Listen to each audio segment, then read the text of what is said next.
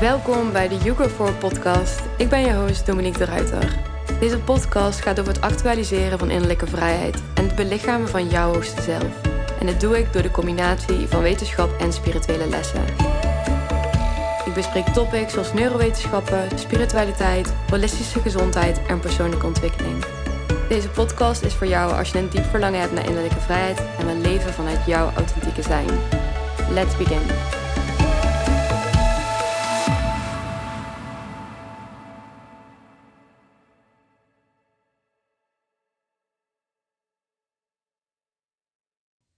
Hey, welkom terug bij weer een nieuwe podcastaflevering. Ik ben super blij dat je weer luistert. En vandaag is er een hele mooie en bijzondere dag. Vandaag, 20 maart, om precies te zijn, om vijf voor half elf, is namelijk de lente equinox, wat het begin van de lente markeert. En het woord equinox betekent in het Latijns gelijke nacht. Wat wil zeggen dat vandaag de deur van zowel de dag als nacht gelijk zijn aan elkaar. En deze dag, maar vooral ook deze periode markeert een belangrijke transitie tussen de donkere periode van herfst en winter en dus de lente- en de zomerperiode. En astrologisch gezien begint het nieuwe jaar pas vandaag, op 20 maart, wanneer dus de lente begint. En dit is praktisch gezien ook veel logischer dan in januari, wanneer we dus nog midden in de winter zitten. Wanneer je kijkt naar de natuur, waar wij dus nog altijd deel van uitmaken, begint alles te groeien en alles begint te bloeien en te ontspruiten en um, wordt geboren in de lente en niet in de winter. En de meeste dieren worden dus in lente geboren. Voor de meeste planten is het voorjaar dus ook het beste moment om zaadjes te zaaien. En hoogstwaarschijnlijk merk je zelf dus ook dat je rondom die tijd van het jaar in een bepaalde mate uh, soort van begint te ontwaken van die zwaardere energie van de winter. En zie het als een soort van herreizenis, waarin in de winter je door bepaalde zaken heen hebt gewerkt en dat je vanuit nu weer een nieuwe start, of ik wil bijna, ja, bijna zeggen rebirth, jezelf weer mag gaan openen voor een heel nieuw seizoen met een hele nieuwe energie. En daarom is het dus eigenlijk ook gek dat we op 1 januari goede voornemens bedenken. Want het is in de winter juist niet echt het moment om gericht te zijn op actie en expansie. Dat zijn echt veel eerder kenmerken van de lente. En dan vooral de zomer. En ik ga hier ook um, dieper op in in podcast 3, waar ik dus heb over de herfst-equinox. Ik zal die podcast ook heel even in de show notes plaatsen, zodat je altijd nog heel even terug kan refereren naar die podcast. En deze periode nodigt je dus enorm uit om te reflecteren op het afgelopen jaar. En al die inzichten en die nieuwe kennis en die nieuwe perspectieven te integreren in de komende maanden. En net zoals sommige dieren momenteel een beetje uit hun winterslaap komen, gebeurt bij ons iets soortgelijks. Deze periode omvat een krachtige energetische lading waarin je wordt geactiveerd om je eigen groei aan te gaan. En de lente staat ook symbool voor het maiden archetype, ook wel het innerlijke kind in ons. En karakteristieken van het archetype maiden zijn enthousiasme, uh, speelsheid, een hoge energie, ontdekken, passie. Deze karakteristieken horen tevens allemaal bij de lente. Dus daarin dus echt een superleuke periode omdat je dus met al die aspecten mag gaan spelen. Het is een hele speelse, uh, enthousiaste, gepassioneerde energie. Waarin je vooral je nieuwsgierigheid mag gaan volgen. Nieuwe dingen mag ontdekken. Nieuwe dingen mag gaan uitproberen. Deze energie is dus ook echt gericht op vernieuwing. In deze transitie is het overigens wel een heel goed idee om een soort van bepaalde traagheid in te lassen. Dus vanuit een bepaalde traagheid de lente-energie in te gaan. Want veel van ons hebben een beetje de valkuil om juist heel erg te gaan versnellen wanneer ze hè, de eerste zonnestraaltjes op hun gezicht voelen branden. Maar het is daarin juist heel belangrijk om jezelf eerst de ruimte te geven om te mogen shiften van het ene naar het andere seizoen. En in de natuur is lente hè, er ook niet in een dag, maar verloopt het over een langere periode. Het heeft tijd nodig om uh, van, vanuit een transitie over te gaan van het ene seizoen naar het andere seizoen. En dat is ook heel erg belangrijk, want als het heel rigoureus zou veranderen, dan zouden we veel meer moeite hebben met het aanpassen aan de verschillende seizoenen. Dus geef jezelf daarin ook echt de ruimte om vanuit rust, vanuit een bepaalde traagheid door de komende periode heen te bewegen.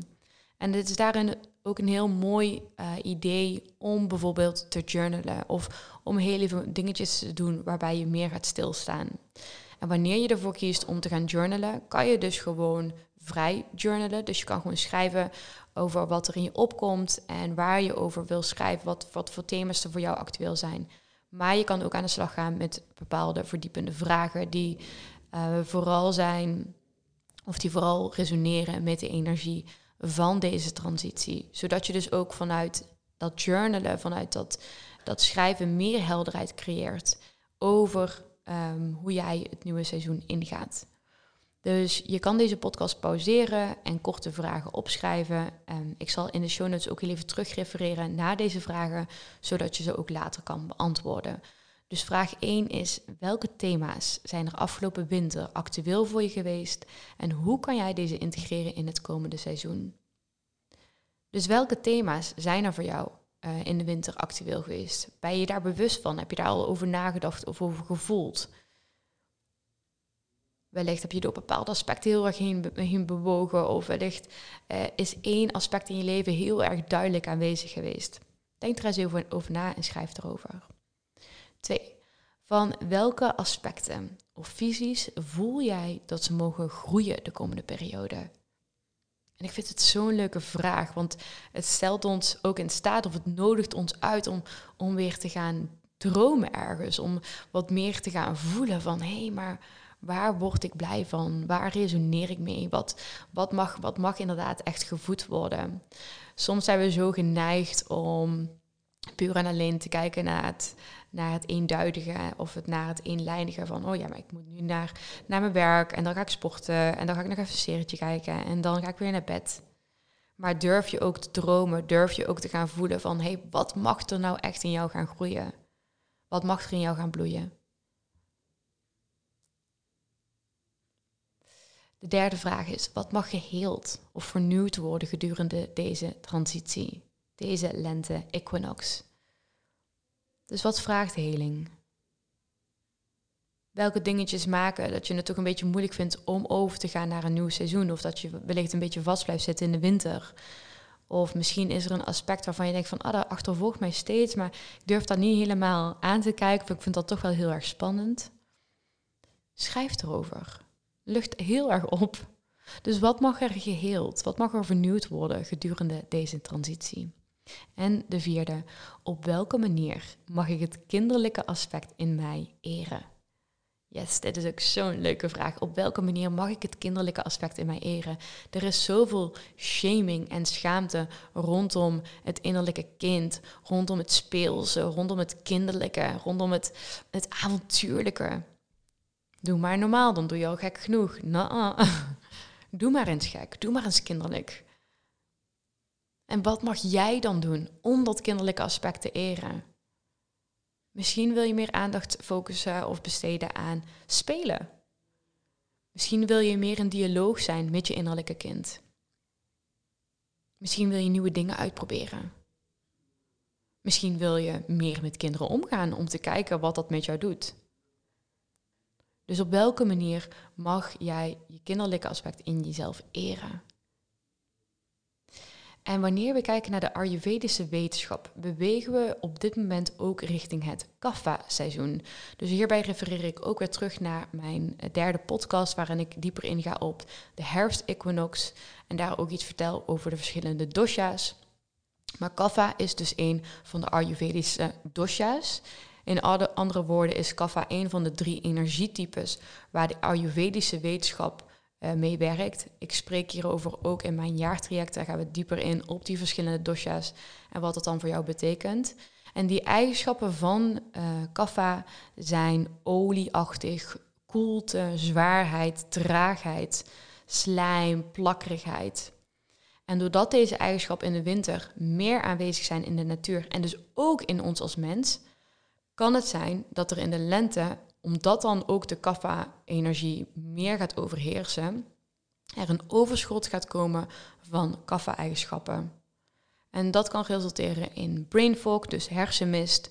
Het kan zijn dat je wat moeilijker af kan vallen of dat je wat extra winterkilootjes bent aangekomen. Het kan zijn dat je last hebt van vastzittend slijm of meer last hebt van je hooikoorts. En een van de meest gehoorde signalen is de vermoeidheid. Dus als je op dit moment merkt van ik ben echt duidelijk nu meer vermoeid, dan kan het maar net zo zijn dat je dus een overschot hebt aan kaffa-eigenschappen. En het is daarin echt een heel mooi idee om die opgehoopte, zware, logge en taaie energie van de winter los te laten door meer um, een lichtere of een zwaardere detox in te lassen. Nou, ik ga je verder niet in op de zwaardere detoxen, um, maar ik ga je wel wat tips geven, zodat je dus ook een soort van detox kan inlassen. En ik vind het woord detox soms ook een beetje beladen, want ik heb het helemaal niet over sapkeurtjes of whatever. Ik heb het gewoon over het optimaliseren van je eigen natuurlijke detox detoxificatiesysteem. Sorry, detoxificatiesysteem. Dus ga op tijd naar bed en sta op tijd op. Er is zo, het is zo belangrijk om een stabiel, een ritmisch dag- en nachtritme te hebben. Daar gaat je zoveel energie opleveren over de dag. Daarover spreek ik ook weer in mijn jaartraject best wel veel over in module gezondheid.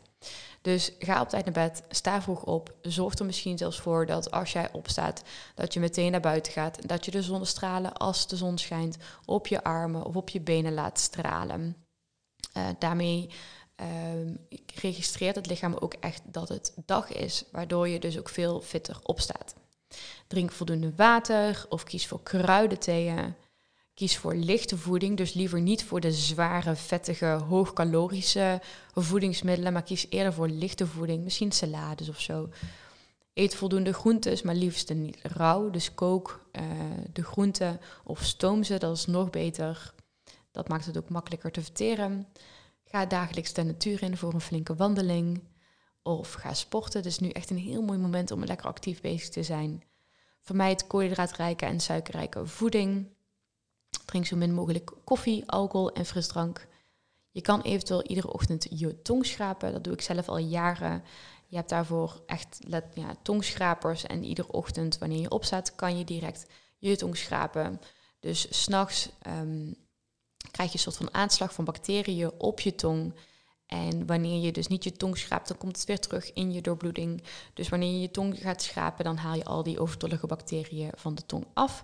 En je kan daarbij ook oil pooling toevoegen aan je ochtendritueel. Daarmee uh, ga je dus voor een bepaalde periode kokosolie of sesamolie door je mond uh, spoelen. En dat zorgt er ook voor dat de flora van de mond verbetert.